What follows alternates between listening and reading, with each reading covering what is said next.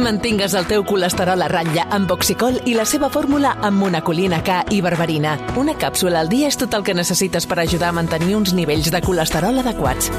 Oxicol, perquè cada batec compta. I recorda, troba-la a la teva farmàcia. Havia de ser de Kern Pharma.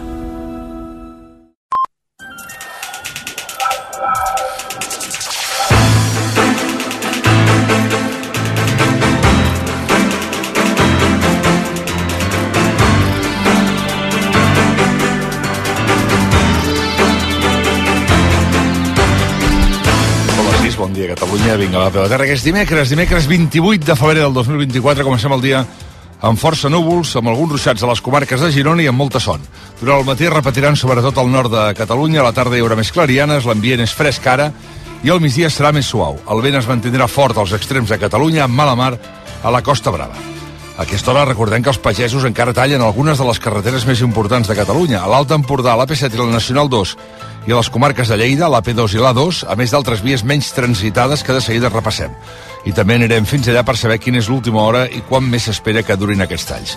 Un matí en què serà el monarracú José Luis Ábalos, l'endemà de negar-se a abandonar l'escó del Congrés. L'exministre va negar cap responsabilitat en el cas Coldo i va enfrontar-se al PSOE. Des del partit l'han suspès temporalment de militància i li han obert un expedient. Ábalos passa a formar part del grup mixt, tot i que avui el país descarta que les votacions vagi per lliure, segons el diari mantindrà la disciplina de vot del PSOE, tot i no formar-ne part. Avui al Congrés, fins a vuit preguntes en la sessió de control sobre aquest tema dirigides al govern d'Espanya i que a les 9 en punt seguirem aquí al món arrecut donada la transcendència. Això mentre el cas Coldo ha arribat a Europa, segons l'ABC, la Fiscalia Europea ha demanat la documentació del cas a l'Audiència Nacional i la Comissió Europea ha demanat a l'Oficina Antifrau que ho investigui. De tot plegat en parlarem a la tertúlia amb Xavier Melero, Ana Gómez, Ramon Rovira, Ferran Casas i Xavi Domènech i amb Mònica Hernández trepitjant l'ull de poll. També saludarem a Ramiro Grau, el primer denunciant del cas Coldo, ja l'any 2020. Un dimecres en què també és notícia que el Tribunal Suprem ha acceptat que els policies ferits durant les protestes per sentència es personin com a acusació particular en el cas Tsunami Democràtic. Això malgrat que el Tribunal encara no ha decidit si es queda o no la causa i la investigació per terrorisme. Més coses. A Madrid han quedat en llibertat els dos influencers acusats d'agredir sexualment quatre menors a les quals contactaven gràcies a la seva popularitat. En les últimes hores, per cert, els seus seguidors han crescut molt, el número de seguidors. I als Estats Units no hi ha hagut sorpreses i Donald Trump i Joe Biden han guanyat les seves primàries perdó, l'estat de Michigan. Això sí, l'actual president ha rebut un vot de càstig pel seu suport a la guerra de Gaza. I als esports, la selecció espanyola femenina de futbol ha decidit tirar pel dret i ha convocat Alexia Putelles per la final de la Lliga de les Nacions que juga avui.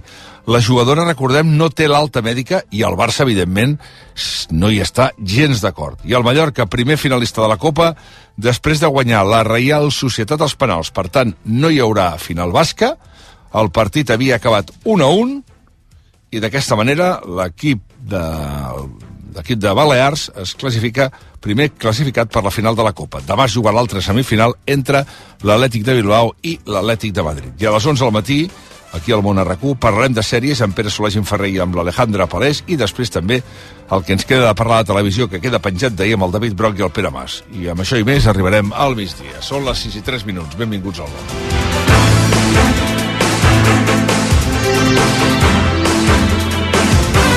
El món a RAC1 amb Jordi Basté. Com tu de la matinada.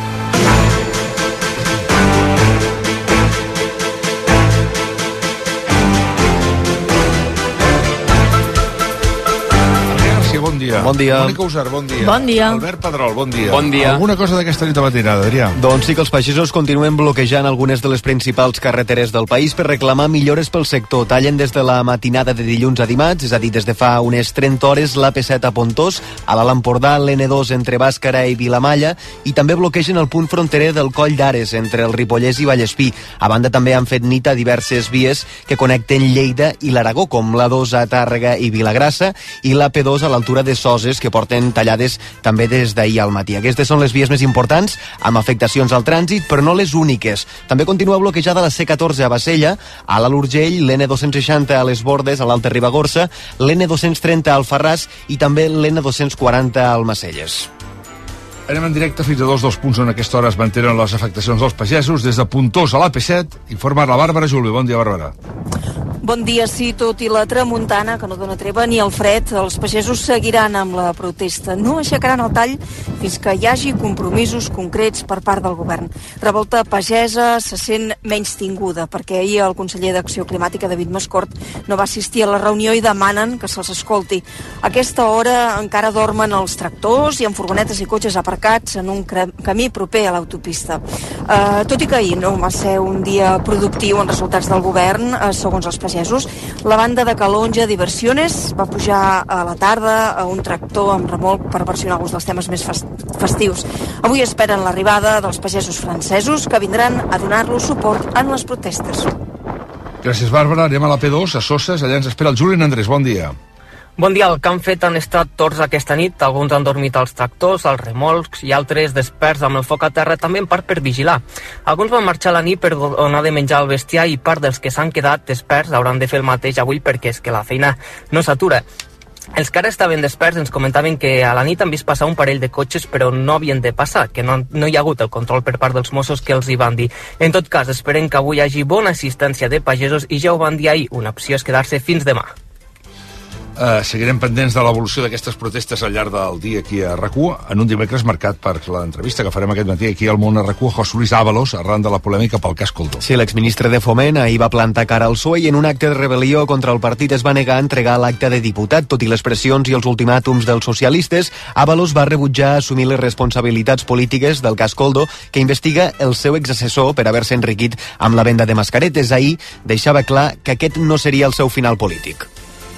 No puedo acabar mi carrera política en mi trayectoria como un corrupto cuando soy inocente. Si yo renunciara, y más en este momento, una semana después, se interpretaría como un signo de culpabilidad que no asumo. El PSOE li ha obert un expedient per falta de disciplina i l'ha fet fora temporalment com a militant del partit, però també del seu grup parlamentari al Congrés. Ara formarà part del grup mix. Tot i, tot i això, segons explica avui el País, fons del partit donen per fet que Avalos no els donarà l'esquena i que votarà amb el PSOE sense que s'hagi de negociar prèviament amb ell. Mm.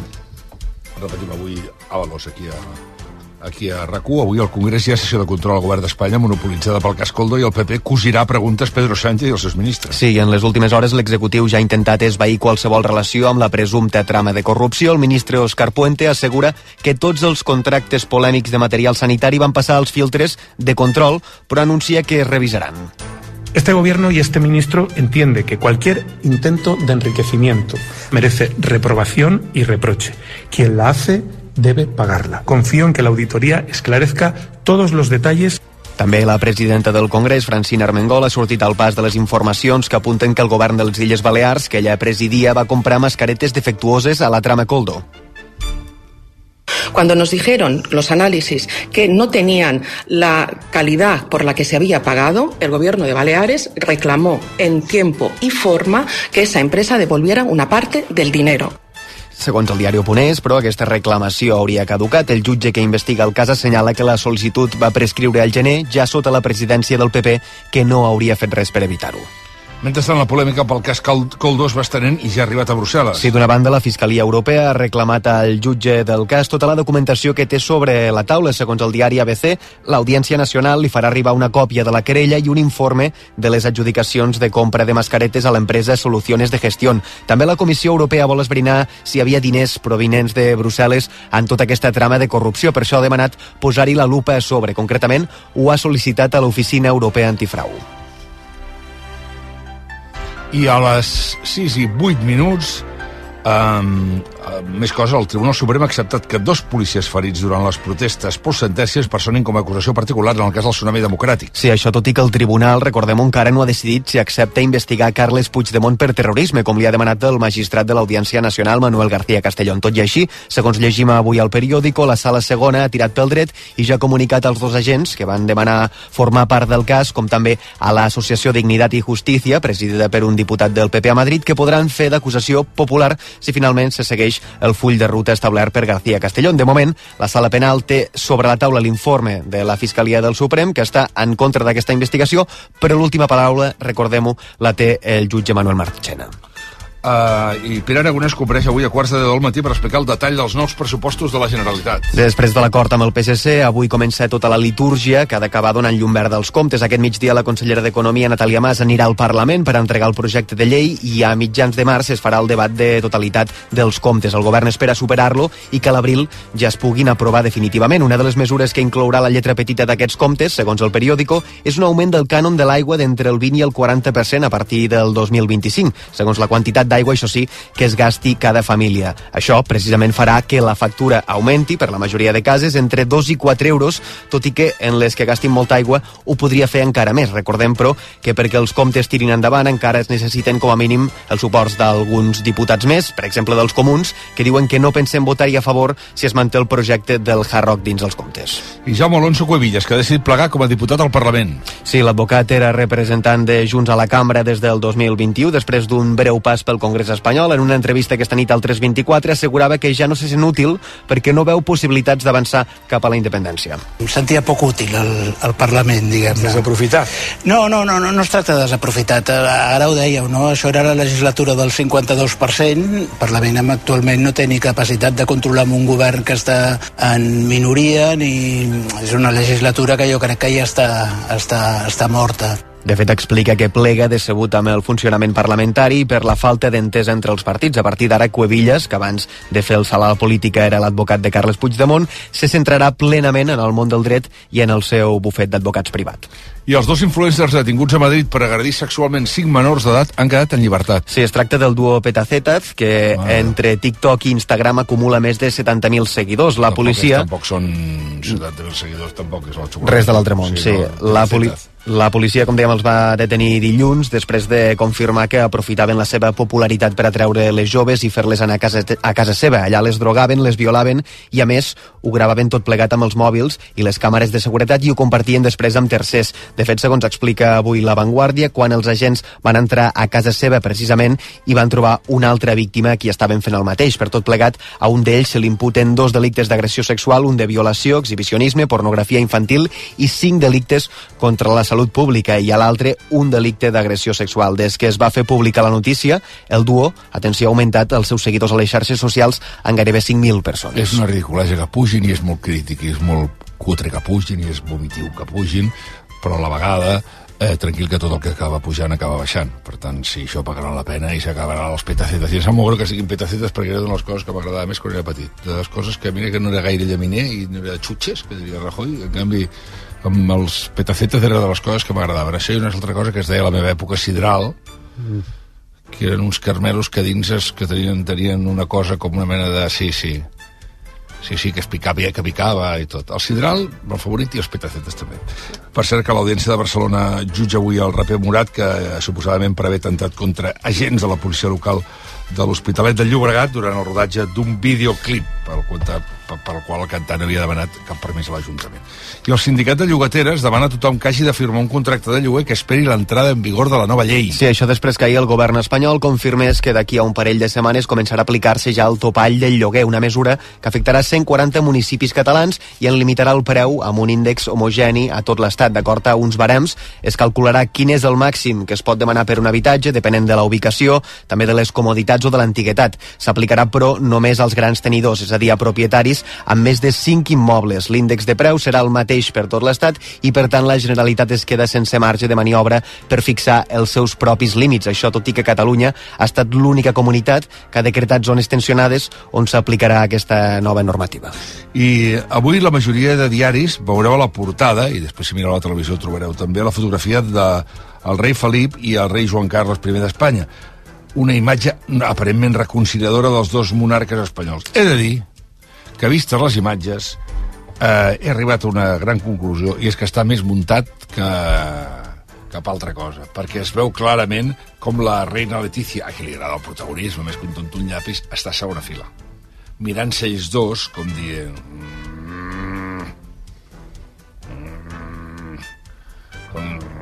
Mireu-vos-ho per televisió perquè ho veureu molt clar. Veureu molt clar. Veureu que ella se'ls mira darrere com dient, ja sé que toca això, i ara tu agafes el bracet i ara fem aquesta foto. És a dir, algú de la casa ha dit, oye, unes fotos aquí que paños calientes. I ja està, i és el que ha passat, i ho veureu en aquesta imatge reconciliadora. Eh, més falsa que un duro sevillant, a dir. Alguna cosa més d'aquesta nit de matinada, estimat Adrià? Doncs sí que la batalla cara a cara entre Joe Biden i Donald Trump a les eleccions presidencials del novembre sembla cada cop més a prop. Aquesta nit, tant el president com l'expresident nord-americà han tornat a resar a les primàries dels seus respectius partits a l'estat de Michigan. Trump s'emporta el 67% dels vots, amb 40 punts de marge respecte a la seva única rival, Nikki Haley, i Biden, que només s'enfronta a l'anecdòtica competència de Marianne Williamson i Diane Phillips, s'imposa amb el 80% dels vots. Tot i això, en el cas de les primàries demòcrates hi ha hagut un alt percentatge de paperetes en blanc, prop del 13%. Això després que grups progressistes i àrabs s'hagin organitzat en les últimes setmanes i hagin cridat abstenir-se com a protesta pel suport de Biden a Israel en la seva ofensiva a Gaza. I en música, Maria Jaume... Eh, perdó, perdó, i un arquitecte que revijarà dos edificis al barri de les Corts de Barcelona i a començar amb els psicosis, després de l'incendi de València. Sí, són dos blocs que presenten similituds amb els que es van cremar fa gairebé una setmana. Segons explica el periòdico, es tracta de dues finques adjacents a la cantonada entre els carrers Marquès de Sentmenat i Guitart. La propietat de l'edifici ha pres aquesta decisió després de detectar semblances amb les edificacions de Nou Campanals. Va construir la mateixa FEBEX, la immobiliària responsable dels blocs blocs de, Valen dels blocs de València i ho va fer a la mateixa època, al mateix any, el 2006. A més, tots els blocs tenien el mateix tipus de façana, el que es coneix com façana ventilada. En aquests edificis de Barcelona hi ha 104 habitatges distribuïts entre els dos blocs que comparteixen zona comunitària i per on s'entra també a una ludoteca municipal que és propietat de l'Ajuntament i eh, el que dèiem, a música, a un quart i un minut de set del matí, Maria Jaume i Julieta sumen forces a Trista Miami. Tens una postal trista, Miami Pensant en tu L'últim avançament del pròxim disc de la Maria Jaume, que es publicarà a, mitan, a mitjans de març i que es presentarà el 22 a l'Auditori de Girona i el 10 d'abril a la Sala 2 de l'Apolo de Barcelona. Qui també té nova música és Joan Garriga. El rock and roll és mort, els ídols s'han desfet, l'església s'ha cremat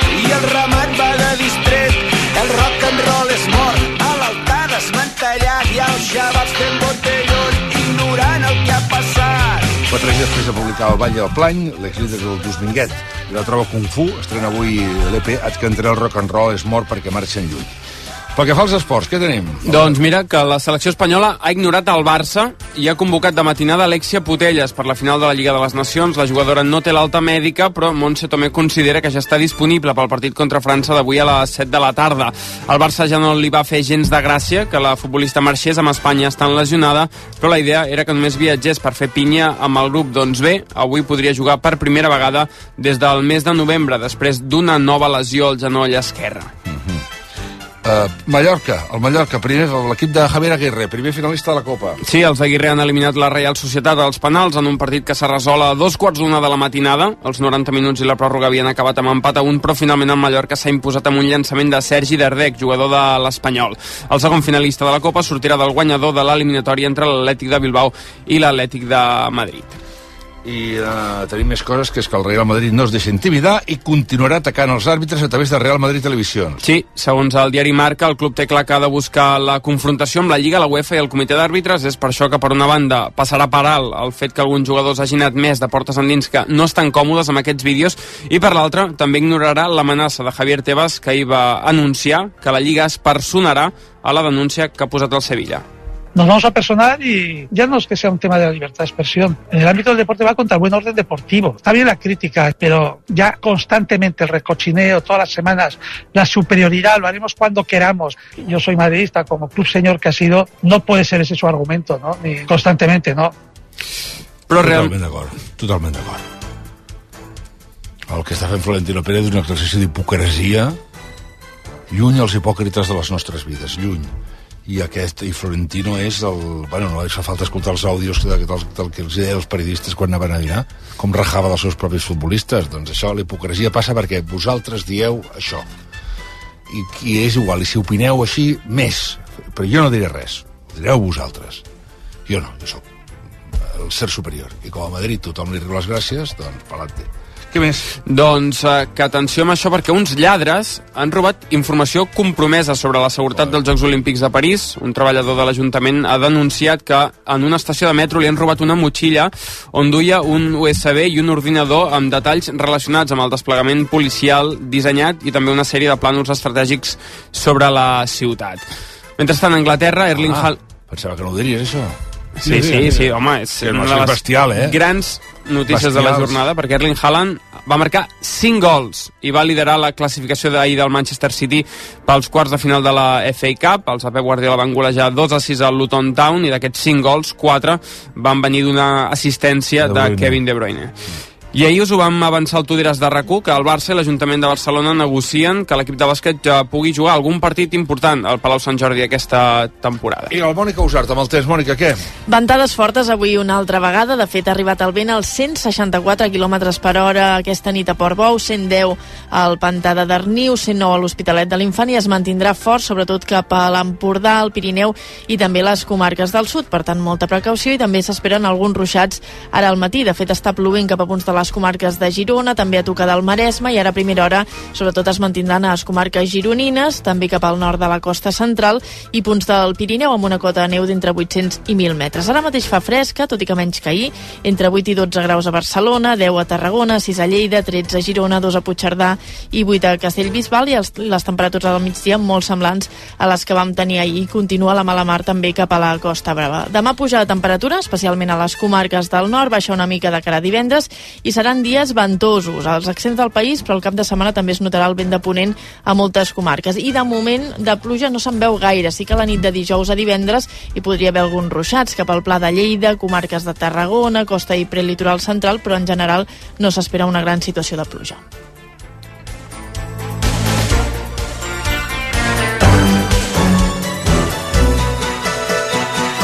El món a RAC1 amb Jordi Basté. No tenim diàleg perquè no hi ha el Ramon Bartolí, a qui li desitgem que recuperi ràpid i que, evidentment, cada dia surt el sol, com diu la cançó. Són les 6 i 21 minuts. Ai, és que ahir l'estava escoltant i m'aria molt de gust. Estic molt cansat i va molt bé aquesta cançó perquè sempre m'ha agradat, amb la, amb la Marga sempre coincidim, en què hi ha un gran grup que es diu Electric Light Orchestra que sona així. El començament, la cançó és llarga, que començament s'allarga un dia sense pati, estem allà amb els violins i aquestes coses. Però bueno, en fi, a les 6 i 21 minuts, ai, esperes. És, aquest disc és fantàstic. I aquesta cançó és meravellosa. I es diu així, It's Over. 6 i 21 minuts. Hardly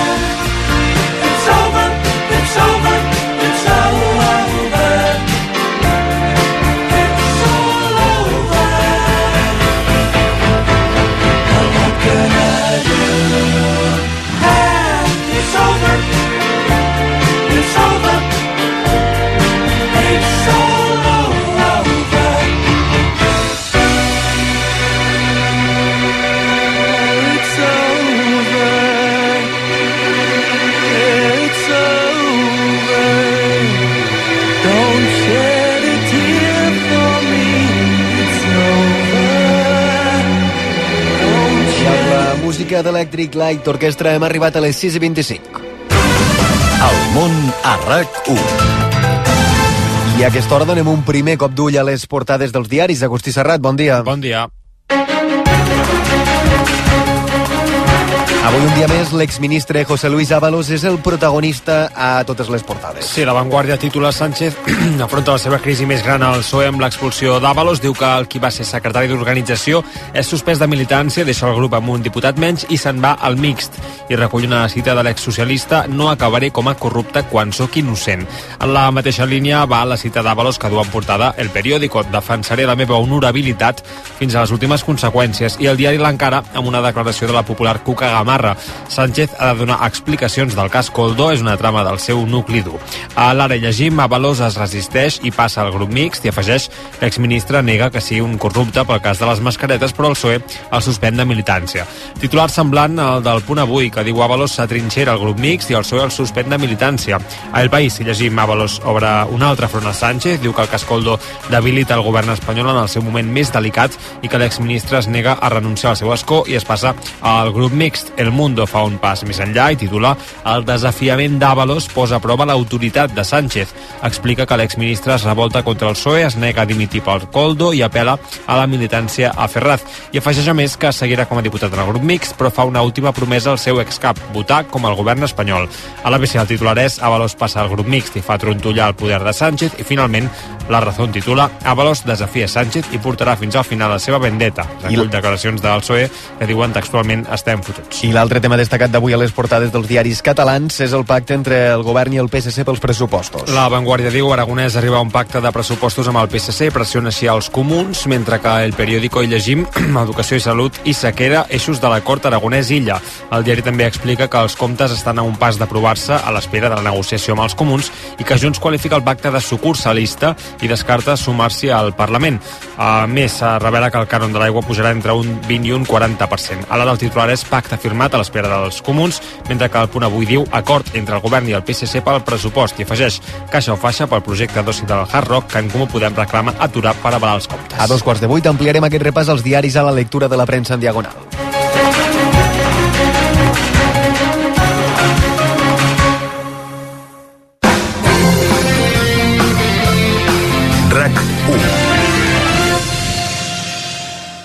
El teu carril sempre és el més lent és tan cert com que Aldi, el 100%, sí, sí, el 100% de la carn és d'origen nacional. Vine a Aldi i gaudeix avui i sempre de preus baixos, com la safata de pit de pollastre a només 2,99. Així de fàcil, així d'Aldi.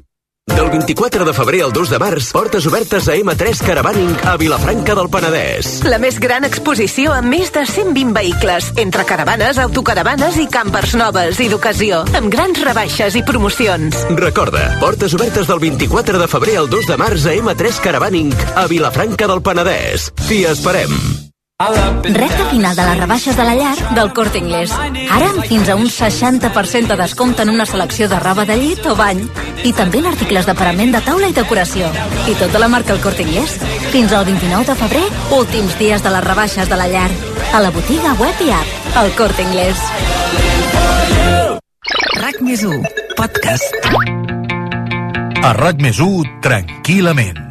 El teu podcast de psicologia amb Marc Serra i Xavier Guix. Us proposem unes sessions de psicologia de proximitat, clares, directes i sempre amb bon humor. I una cosa molt important, Xavier, sense divan, que la gent pot seure on vulgui, no? Vull dir... Home, ja fa temps que no hi ha divans, Marc.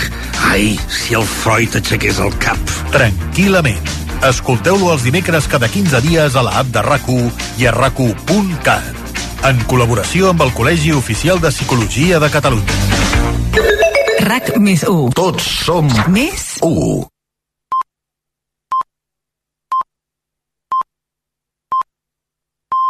En punt dos quarts de set del matí, els que us acabeu de llevar, sapigueu que...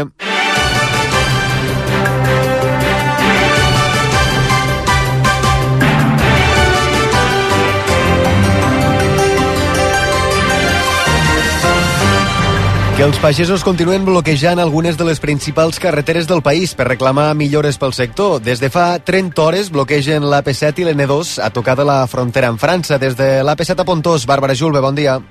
Bon dia. Els pagesos no aixecaran el tall fins que hi hagi resultats concrets amb la Generalitat. Uns resultats que, segons Revolta Pagesa, s'havien d'haver aconseguit ahir a la reunió on no hi va assistir el conseller d'Acció Climàtica. Un centenar de tractors a la P7 i una quinzena a la N2 tallen el trànsit on a aquesta protesta eh, s'hi afegiran avui els pagesos de la Catalunya Nord. I els pagesos també tallen diverses vies que connecten Lleida i l'Aragó, com la 2 a Tàrrega i Vilagrassa i la P2 a l'altura de Soses. Des de la P2 a Soses i tenim el Julen Andrés. Julen, bon dia. Bon dia. Tractors a l'autopista en tots dos sentits. Hi ha pagesos que han marxat a la nit per donar-li de menjar al bestiar.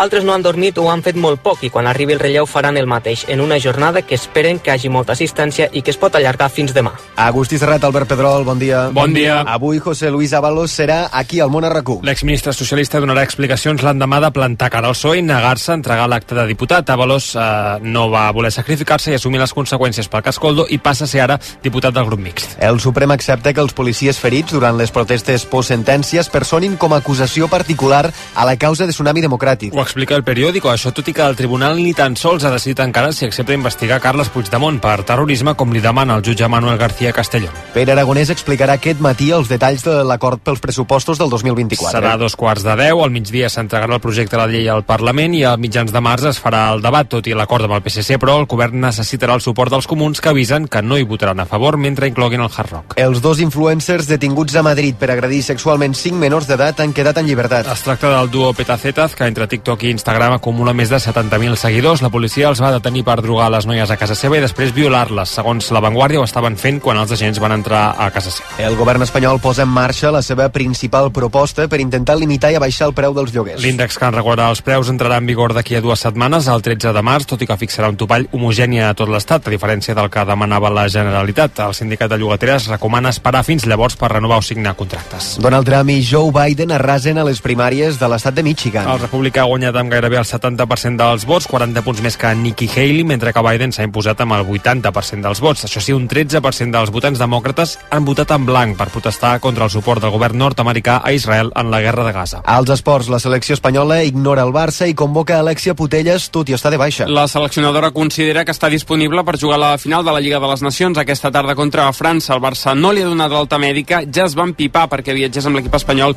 i avui podria quedar-se amb un pam de nas. El Mallorca jugarà a la final de la Copa del Rei 21 anys després. Els de Javier Aguirre han eliminat la Real Societat als penals a dos quarts d'una de la matinada. I rebot material sensible relacionat amb la seguretat dels Jocs Olímpics de París. Un treballador de l'Ajuntament ha denunciat que li han pispat una motxilla on duia informació relacionada amb el desplegament policial. Mònica Usar, bon dia. Bon dia. Ocasió Plus t'ofereix aquest espai. Avui tornarà a ser un dia de ventades fortes als extrems del país. Sí, de fet ja ha superat aquest vent als 100 km per hora, l'Empordà, al Pirineu i també cap a l'extrem sud de Catalunya i es mantindran aquestes ventades sobretot als extrems del país, per tant molta precaució. També hi ha alguns ruixats ara mateix cap a les comarques de Girona, a tocar del Maresme, també algun punt del Pirineu, uns ruixats que ara al matí, sobretot de bon matí, es mantindran especialment al Pirineu i també a l'Alt Empordà amb cota de neu d'entre 800 i 1.000 metres. A la resta alguns núvols a primera hora i després s'aclarirà i a la tarda farà més sol. Les temperatures semblants a les d'ahir al migdia, entre els 14 i els 19 graus, tot i que ara mateix fa fresca. I què marquen els termòmetres? Ara mateix un grau a Trem, 6 graus a Gandesa i també a Lleida, 4 a Cervera, 13 a Girona, 10 a Tarragona i temperatures de 8 a 12 graus a Barcelona. ¿Que por qué soy un pluser? Porque puedo elegir entre 8.000 coches en 80 centros en España. Porque me lo llevan a mi provincia y tengo 15 días o 1.000 kilómetros de prueba. Porque si no me convence, me lo cambian o me devuelven mi dinero. Ocasión Plus. Ya somos más de 200.000 plusers. ¿Te unes? Ocasión Plus. Nueva tienda en La Maquinista, calle de Santander 90 y en ocasiónplus.com. Pel que fa a les carreteres, a banda de les afectacions per les mobilitzacions dels pagesos, a aquesta hora calen cadenes per circular per la C28 entre Nautaran i Altàneu i per la N141 a Bossost, totes dues en tots dos sentits de la marxa. Al transport públic, a aquesta hora, cap incidència destacable. Són les 6 i 35 minuts, fem una pausa i de seguida repassem l'actualitat d'avui, 28 de febrer.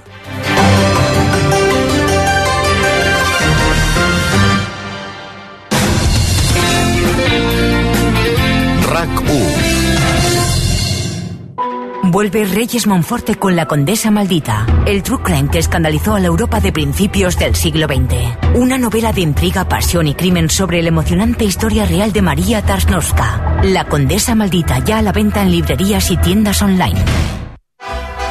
Avui a Mendesa tens una oferta formidable. Tria formidable solar i estalvia 1.300 euros en dos anys. A més, instal·la les teves plaques solars des de només 58 amb 97 euros al mes. Contracta-ho ara en un dels punts de servei Instavi a Pallejà, Sant Cugat del Vallès o Sant Boi de Llobregat i comença a estalviar.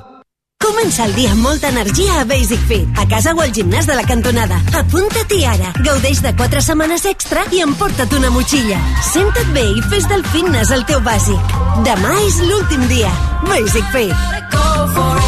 Hola, sóc l'Alfred Rodríguez Picó i us vull parlar de la humitat. La pluja fa que la humitat afecti greument la vostra casa. Infiltracions, capilaritat, condensació, salitre... Des de fa més de 50 anys, Murprotec soluciona definitivament els vostres problemes d'humitat. Demaneu el vostre diagnòstic complet i gratuït al 900 102 103. Murprotec 900 102 103. És en Picó qui us ho diu. La Villarroel? És aquí, corre, Elin, que començaran sense tu. És que no entenc per què d'anar al teatre a parlar amb uns desconeguts. No sé qui són, ni què volen. Que els coneixes tu, potser? Ets massa confiat, el Jarn. Ah, hòstia, Elin, el teu nom surt al cartell. Ho has de fer. Està bé, una vegada més em sacrificaré, però tu ho hauràs de fer amb mi. Que sempre guanyes. Perquè tinc raó. David Verdaguer és Elling, una comèdia dirigida per Pau Carrió sobre perdedors que aprenen a guanyar sense el permís de ningú. Elling, a la Villarroel. Compra les teves entrades a la villarroel.cat i a promentrada.com. Cansat de les aplicacions online per buscar parella? Vols invertir millor el temps? Si el que desitges és trobar parella, a Samsara t'oferim el servei més professional i personalitzat de Barcelona. La nostra experiència de més de 20 anys et garanteix que trobarem persones compatibles amb tu. Truca'ns i t'informarem sense compromís. 93 362 23 29. Samsara.es tots aquells que ja condueixen el número 1 se senten únics, especials. I ara, perquè més gent pugui sentir aquesta increïble sensació, Hyundai posa a la teva disposició el Tucson amb unes condicions immillorables. No esperis més i gaudeix ja de la increïble sensació de conduir el número 1 en vendes. Xarxa de concessionaris Hyundai de Barcelona. A Mundo Deportivo ho vivim tot minut a minut. La tensió de cada jugada l'adrenalina de cada volta, l'emoció de cada punt, els nervis de cada final. Mundo Deportivo. Ho donem tot. Oh, Cafè Mio. Gourmet La Vanguardia et porta a casa l'autèntic cafè italià amb la màquina S Cafè. Una cafetera única amb un kit de degustació de 18 càpsules i 6 tasses de disseny per només 89 euros. Comença a gaudir de l'aroma del veritable espresso a gourmetlavanguardia.com RAC més 1 Aquest divendres l'Eurolliga juga a RAC més 1 a dos quarts de nou des del Palau Blaugrana Barça-Mònaco. Després de l'aturada, els blaugranes afronten la recta final de la Lliga regular. Llançament de tota la vida i cap a dins. Viviu el partit a l'app de rac i a rac amb Dani Aguilar, Albert Ferran i els comentaris de Jordi Colomer. Aquest divendres, l'Eurolliga torna a RAC més 1. Tot el que passa a rac dins i fora de la ràdio ho trobaràs a rac El món a RAC1. 6 i 39, la pagesia manté el pols i continua bloquejant a aquesta hora algunes de les principals carreteres del país.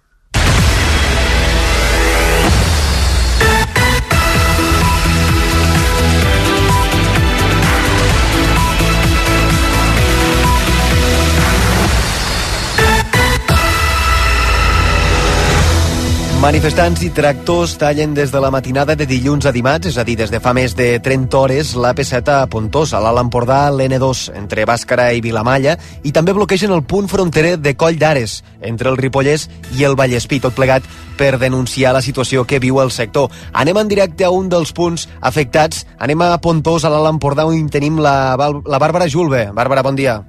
Bon dia. Calçada plena de tractors. Un centenar continuen bloquejant el trànsit a la P7. Dos pagesos intenten a aquesta hora fer foc per escalfar-se, mentre tota la resta encara descansa dins dels vehicles. Tot i la fred, el vent i la pluja que comença a caure a aquesta hora, els pagesos mantenen el tall fins que hi hagi propostes concretes de la Generalitat, després que ahir se sentissin menys tinguts perquè a la reunió no hi va assistir el conseller d'Acció Climàtica. Com a acte reivindicatiu, els pagesos van requisar ahir part del carregament de fruites i verdures dels camions aturats que venien del Marroc i que, segons ells, els perjudica per competència deslleial. Després van portar-los al Banc dels Aliments. Avui està previst que els pagesos de Perpinyà i de la Catalunya Nord vinguin a donar-los suport en aquesta protesta. A banda, també hem fet nit a diverses vies que connecten Lleida i l'Aragó, com l'A2 a Tàrrega i Vilagrassa i l'AP2 a l'altura de Soses, que estan tallades des d'ahir al matí. Precisament en aquest últim punt, a l'AP2 a Soses, i tenim el Julen Andrés. Julen, bon dia. Bon dia, s'espera que sigui una altra jornada llarga amb bona assistència. Ahir aquí a l'AP2 va haver 300 tractors, part d'aquests han passat la nit aquí a la mateixa autopista. Alguns pagesos han dormit al tractor, altres al remorc i finalment els que s'han quedat desperts gran part del temps, tot i que han fet torns.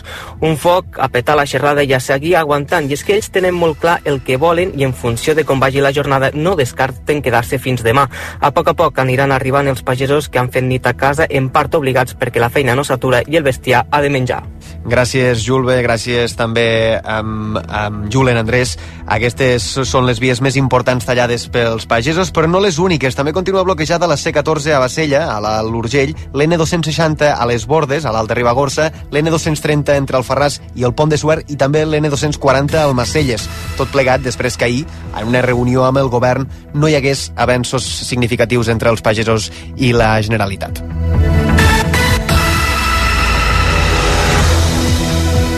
6 i 42 minuts aquest matí al Món RQ entrevistarem un dels protagonistes polítics dels últims dies, l'exministre de Foment, José Luis Avalos, que ahir va plantar cara al PSOE i en un acte de rebel·lió contra el partit es va negar a entregar l'acte de diputat, tot i les pressions i els ultimàtums dels socialistes. Avalos va rebutjar sacrificar-se i assumir les responsabilitats polítiques del cas Coldo, que investiga el seu exassessor per haver-se enriquit durant la pandèmia amb la venda de mascaretes. Ell el mateix Avalos diu que no pot assumir cap responsabilitat perquè no és culpable de res. No puedo acabar mi carrera política en mi trayectoria como un corrupto cuando soy inocente. Si yo renunciara, y más en este momento, una semana después, se interpretaría como un signo de culpabilidad que no asumo. El que va ser un dels homes forts de Pedro Sánchez ja no forma part del grup socialista al Congrés i l'han inscrit com a nou diputat del grup mix, tot i que ahir encara no va ocupar aquest escó al ple de la tarda i tampoc és segur que hi sigui aquest matí. Com que no van donar l'acte, el PSOE el va fer fora també de manera temporal i li obre un expedient per falta de disciplina. Tot i això, fons del partit donen per feta el país que Avalos no els donarà l'esquena i que votarà amb el PSOE sense que s'hagi de negociar prèviament amb ell. Anem a Madrid. Jordi Armenteres, bon dia. Bon dia, Avalos té nou escó a la penúltima fila del Congrés. En tres anys ha passat de la bancada blava de ministres a cadascuna de les que hi ha per sobre, cada cop més amunt i perdent influència. Ara penúltima fila com a integrant del mixt, un diputat de Vox a l'esquerra i el portaveu del BNG a la seva dreta. Perd el despatx que tenia com a president de la Comissió d'Interior i ja té assignat despatx a la zona del grup mixt. El seu sou també queda molt tocat. Com a diputat ras cobrarà 3.142 euros al mes, menys de la meitat del que cobrava fins ara. El PSOE no assumeix la rebel·lia d'Avalos ni que no vulgui assumir cap responsabilitat per l'etapa que va ser ministre. Tan bon punt va anunciar que se n'anava al mixt, comunicat del PSOE apartant-lo de tot i veu de Pachi López. Creemos que lo que tiene que hacer es dejar el escaño, la ejecutiva del partido empezará a tramitar un expediente de, de baja cautelar como militante socialista, que es lo que habíamos dicho desde el principio. És un dia molt trist. El PSOE li suspèn la militància, però també li recorda que ha de continuar pagant les quotes si algun dia vol tornar amb l'honor recuperat. Se'l sanciona per desobediència, per no fer cas de la decisió unànima de l'executiva de dilluns que li va demanar l'escó. Gràcies, Jordi. Avui hi ha sessió de control al govern espanyol, al Congrés, que seguirem molt atentament aquí al món. Racull Sánchez i els seus ministres hauran de respondre a una llau de preguntes del PP sobre el cas Coldo. Mentrestant, però, des de la Moncloa intenten esvair qualsevol relació amb la corrupció. El Ministeri de Transports, que estaria esquitxat també pel cas, ha anunciat una auditoria per revisar de dalt a baix tots els contractes sospitosos. I a tot això, la presidenta del Congrés, Francina Armengol, ha sortit al pas de les informacions que apunten que el govern de les Balears, que ella presidia, va comprar mascaretes defectuoses en la trama de Coldo. Armengol ha negat cap lligam amb ell i ha explicat que li van reclamar diners en veure que no eren bones. Nosotros, cuando teníamos alguna duda sobre algún material, una vez ya estaba a disposición del personal sanitario, se enviaba a analizar al Instituto Nacional de Higiene y Seguridad en el Trabajo, como fue este caso. Cuando nos dijeron los análisis que no tenían la calidad por la que se había pagado, el Gobierno de Baleares reclamó en tiempo y forma que esa empresa devolviera una parte del dinero. A més, segons el diari Oponès, aquesta reclamació hauria caducat. El jutge que investiga el cas assenyala que la sol·licitud va prescriure al gener, ja sota la presidència del PP, que no hauria fet res per evitar-ho. Això mentre el cas Coldo ha arribat a Europa, segons l'ABC, la Fiscalia Europea ha demanat la documentació del cas a l'Audiència Nacional i la Comissió Europea ha demanat a l'Oficina Antifrau que ho investigui. Passa un minut de tres quarts de set del matí. El Suprem ha acceptat que els policies ferits durant les protestes post-sentència es puguin personar com a acusació particular en el cas Tsunami Democràtic. Això, tot i que el tribunal encara no ha decidit si accepta investigar Carles Puigdemont per terrorisme, com li ha demanat el magistrat de l'Audiència Nacional Manuel García Castellón. Tot i així, segons llegim al periòdico, la sala segona ha tirat pel dret i ja ha comunicat als dos agents que van demanar formar part del cas, com també a l'associació Dignidad y Justicia, presidida per un diputat del PP a Madrid, que podran fer d'acusació popular si finalment se segueix el full de ruta establert per García Castellón. De moment, la sala penal té sobre la taula l'informe de la Fiscalia del Suprem, que està en contra d'aquesta investigació, i ara el magistrat Juan Ramon Verdugo, un dels membres del Tribunal del Procés, serà l'encarregat de redactar la ponència seguint, o no, el criteri de la Fiscalia, que no és vinculant. Un cop tingui l'escrit, el presentarà a la sala d'admissió, presidida per Manuel Marchena, que decidirà si el valida o no. I encara en política, Pere Aragonès compareixerà a dos quarts de deu del matí per explicar el detall dels nous pressupostos de la Generalitat. Aquest migdia, la consellera d'Economia, Natàlia Mas, anirà al Parlament per entregar el projecte de llei i després el presentarà als partits i també a les entitats socials. La setmana vinent els consellers compareixeran en comissió a la cambra per explicar les partides de cada departament i a mitjans de març es farà el debat de totalitat dels comptes. El govern espera superar-lo i que a mitjans d'abril ja es puguin aprovar definitivament.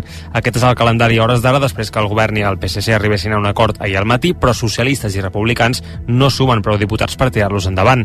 Necessiten com a mínim el suport dels comuns, que ja han deixat clar que no hi votaran a favor si es manté el projecte del Hard Rock. I per cert que Jaume Alonso Cuevillas plega com a diputat de Junts al Parlament. Ho fa, diu, davant l'evidència d'una legislatura que ara mateix eh, ja és morta.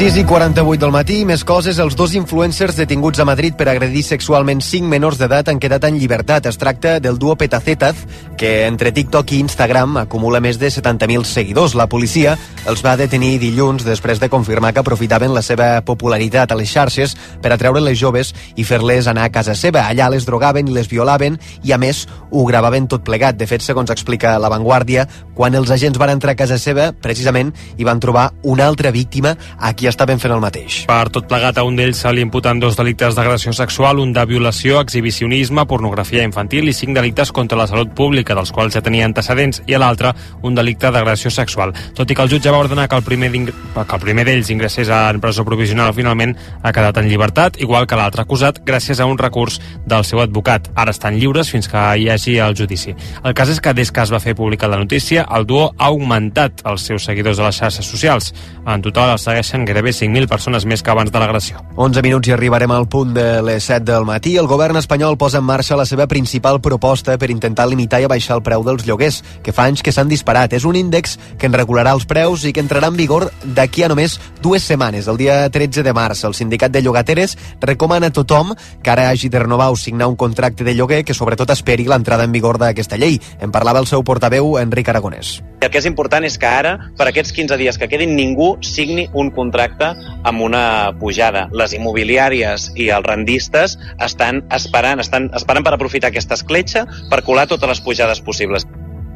A grans trets, el govern espanyol fixa un rang de preus màxim i mínim que pot tenir un habitatge en funció de la zona i les característiques de l'immoble. Aquest nou sistema serà d'obligat compliment per als grans tenidors i pels pisos que ara entrin al mercat de lloguer. D'aquesta manera, la Moncloa fixa un índex homogeni per a tot l'Estat i descarta adaptar-lo a la realitat de cada territori, com demanava la Generalitat. I un últim apunt abans dels esports, perquè als Estats Units la batalla cara a cara entre Joe Biden i Donald Trump a les eleccions presidencials del novembre és cada vegada més a prop. Cop aquesta nit, tant el president com l'expresident nord-americà han tornat a arrasar a les primàries dels seus respectius partits a l'estat de Michigan. Amb un 70% escrutat, Trump s'ha emportat el 68% dels vots, amb, un 40, amb 40 punts de marge respecte la seva única rival, que recordem és Nikki Haley.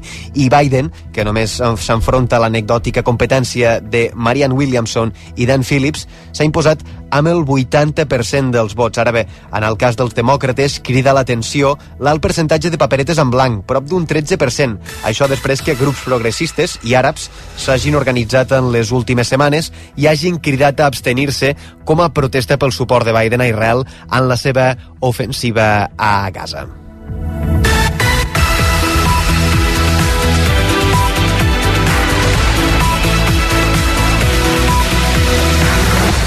Sis i 51. Xarxa Fort de Catalunya patrocina aquest espai. I als esports, Pedrol, la selecció espanyola passa per alt les exigències del Barça i convoca Alexia Putelles, tot i estar de baixa. La migcampista no té l'alta mèdica, no juga des del mes de novembre, però malgrat tot la seleccionadora ha tirat pel dret i l'ha inclòs en la llista per jugar a la final de la Lliga de les Nacions. Sí, el partit és avui a les 7 de la tarda contra França. El cas és que aquesta matinada i per sorpresa de tothom, la selecció espanyola femenina ha fet pública la convocatòria, ho ha fet en un horari molt insòlid, dos quarts d'una, però el cas és que la llista hi havia una notícia encara més insòlida i és que Montse Tomé ha convocat Alexia Putelles, malgrat no tenir l'alta mèdica. La seleccionadora considera que Alexia està disponible davant l'estupefacció del Barça. El club ja no li va fer gens de gràcia que la futbolista marxés amb Espanya estant lesionada, però la idea era que només fes pinya amb el grup. Doncs bé, avui podria jugar per primera vegada des del mes de novembre, després d'una nova lesió al genoll esquerre. Evidentment, si això passés, el Barça es quedaria amb un pam de nas. Més coses, el Mallorca és el primer finalista de la Copa del Rei. Els de Javier Aguirre han eliminat la Real Societat als penals en un partit que s'ha resolt a dos quarts d'una de la matinada. Els 90 minuts i la pròrroga havien acabat amb empat a un, però finalment el Mallorca s'ha imposat amb un llançament de Sergi Darder, exjugador de l'Espanyol. Per cert, la classificació del Mallorca té doble premi, serà l'Aràbia Saudita per disputar la Supercopa d'Espanya. El segon finalista d'aquesta Copa sortirà del guanyador de l'eliminatòria entre l'Atlètic de Bilbao i l'Atlètic de Madrid, que es resoldrà el dijous. I el Real Madrid no es deixa intimidar i continuarà atacant els àrbitres a través de Real Madrid Televisió. Segons el diari Marca, el club té clar que ha de buscar la confrontació amb la Lliga, la UEFA i el comitè d'àrbitres. És per això que, per una banda, passarà per alt el fet que alguns jugadors hagin admès de portes endins que no estan còmodes amb aquests vídeos, jugadors del propi Real Madrid, i per l'altra també ignorarà l'amenaça de Javier Tebas, que ahir va anunciar que la Lliga es personarà a la denúncia que ha posat al Sevilla. nos vamos a personar y ya no es que sea un tema de la libertad de expresión. En el ámbito del deporte va contra el buen orden deportivo. Está bien la crítica, pero ya constantemente el recochineo, todas las semanas, la superioridad, lo haremos cuando queramos. Yo soy madridista, como club señor que ha sido, no puede ser ese su argumento, ¿no? Ni constantemente, ¿no? Alguna cosa més, Pedrol? Doncs sí, que a París uns lladres han robat informació delicada sobre la seguretat dels Jocs Olímpics. Resulta que un treballador de l'Ajuntament ha denunciat que en una estació de metro li han pispat una motxilla allà i duia un USB i un ordinador amb detalls relacionats amb el desplegament policial i plànols municipals que eren estratègics. A Anglaterra, Erling Haaland és el gran protagonista de la jornada. Ahir el davanter norec va marcar 5 gols i va liderar la classificació del Manchester City pels quarts de final de la FA Cup. Els de Pep Guardiola van golejar ja 2 a 6 a Luton Town, 4 dels 5 gols d'Erling Haaland van venir d'assistència de Kevin De Bruyne. I us ho vam avançar ahir al Tu diràs de rac el Barça i l'Ajuntament de Barcelona negocien perquè l'equip de bàsquet pugui jugar algun partit important al Palau Sant Jordi aquesta mateixa temporada.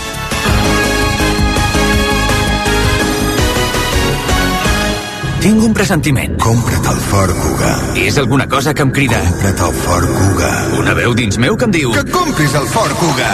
Fes cas al teu instint i aconsegueix el Ford Kuga. L'híbrid endollable més venut a Espanya i Europa, ara per temps limitat a un preu mai vist. També disponible el Kuga híbrid. El que digui el teu instint. Xarxa Ford de Catalunya. 6 minuts i les 7.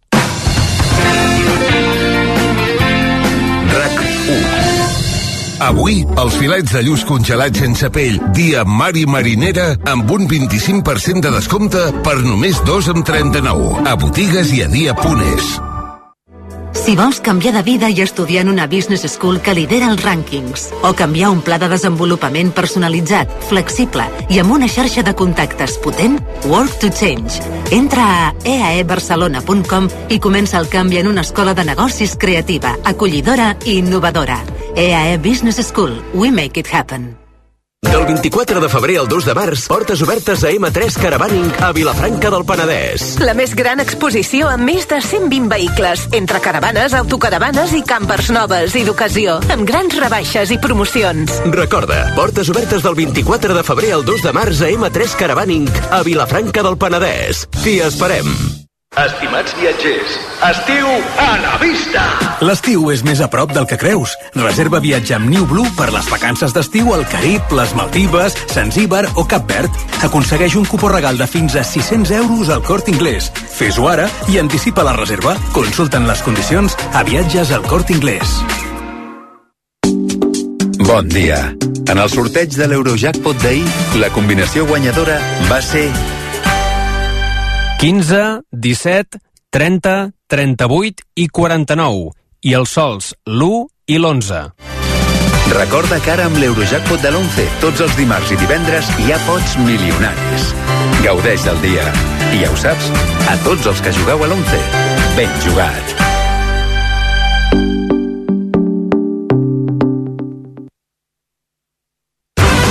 El món a RAC1. 6 i 56.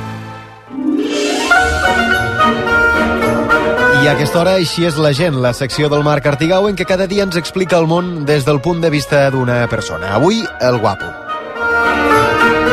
Li han dit sempre des de petit, ell és guapo, molt guapo, és canònic, és esbelt, té un somriure magnètic, unes dents blanques i col·locades amb l'harmonia de la precisió. No sap què vol dir ser invisible, al contrari, quan entra a un local els ulls el ressegueixen per comprovar si és real o no. A vegades, però, no s'agrada, poques, perquè la seva personalitat l'ha construïda a través de l'autoestima que li han forjat els comentaris positius i acabar cada nit de festa, dormint o no, amb el cos que s'havia proposat. Com deu ser viure 24 hores en la certesa que ets un fet inqüestionable? La certesa que ets intel·ligent, o bona persona, o encantador, o en el cas del guapo, tan guapo. Suposo que fins i tot l'or es cansa de brillar. I de mica en mica, el guapo es cansa de ser un objecte de desig. A vegades va pel carrer i enveja tota aquella gent tan lletja, despentinada, no normativa. Enveja la seva llibertat de no ser ell i a vegades, les nits que no pot dormir, es mira al mirall i busca per internet una clínica estètica i té l'impuls de trucar i demanar, si us plau, pel que més vulguin, que pagarà el que calgui, però que vol ser normal, vol ser lleig, vol ser invisible.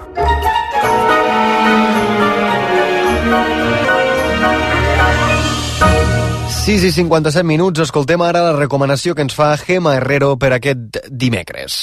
La xarxa de concessionaris Hyundai de Barcelona us ofereix aquest espai. El pasado sábado el corto documental La mecánica de los fluidos ganó el premio César. Es que no La murciana Gala Hernández, su directora y guionista, analiza en él a la llamada comunidad incel, los célibes involuntarios que culpan, odian y propagan el odio hacia las mujeres. Misóginos, vaya. Y lo hace de una manera poco convencional tanto en el tono como en la forma. Por un lado, se aproxima desde la empatía, pero sin perder la capacidad de análisis, intentando entender de dónde proviene su odio, su rabia. Por otra, apunta a las redes sociales, al negocio de los algoritmos, al sistema que nos aleja y nos convierte en enemigos. Formalmente lo hace además con diferentes recursos visuales, desde las capturas de pantalla hasta el arte digital. Es imposible que te deje indiferente. Imposible. Y en 40 minutos, la mecánica de los fluidos está disponible en Filming.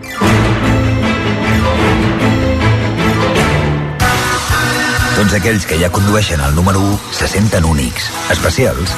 I ara, perquè més gent pugui sentir aquesta increïble sensació, Hyundai posa a la teva disposició el Tucson amb unes condicions immillorables. No esperis més i gaudeix ja de la increïble sensació de conduir el número 1 en vendes. Xarxa de concessionaris Hyundai de Barcelona. RAC 1 Hola, carinyo, com estàs? Bé, m'han dit que us truqui. Quines ganes teníem de parlar amb tu. Que tu passes bé? Estàs fent amics? Menges bé? Ai, mama. Ens trobes a faltar? Sí, mama. Però em puc quedar una setmana més? Colònies d'estiu de Rosa dels Vents. Cuidant el que més estimes des del 1976.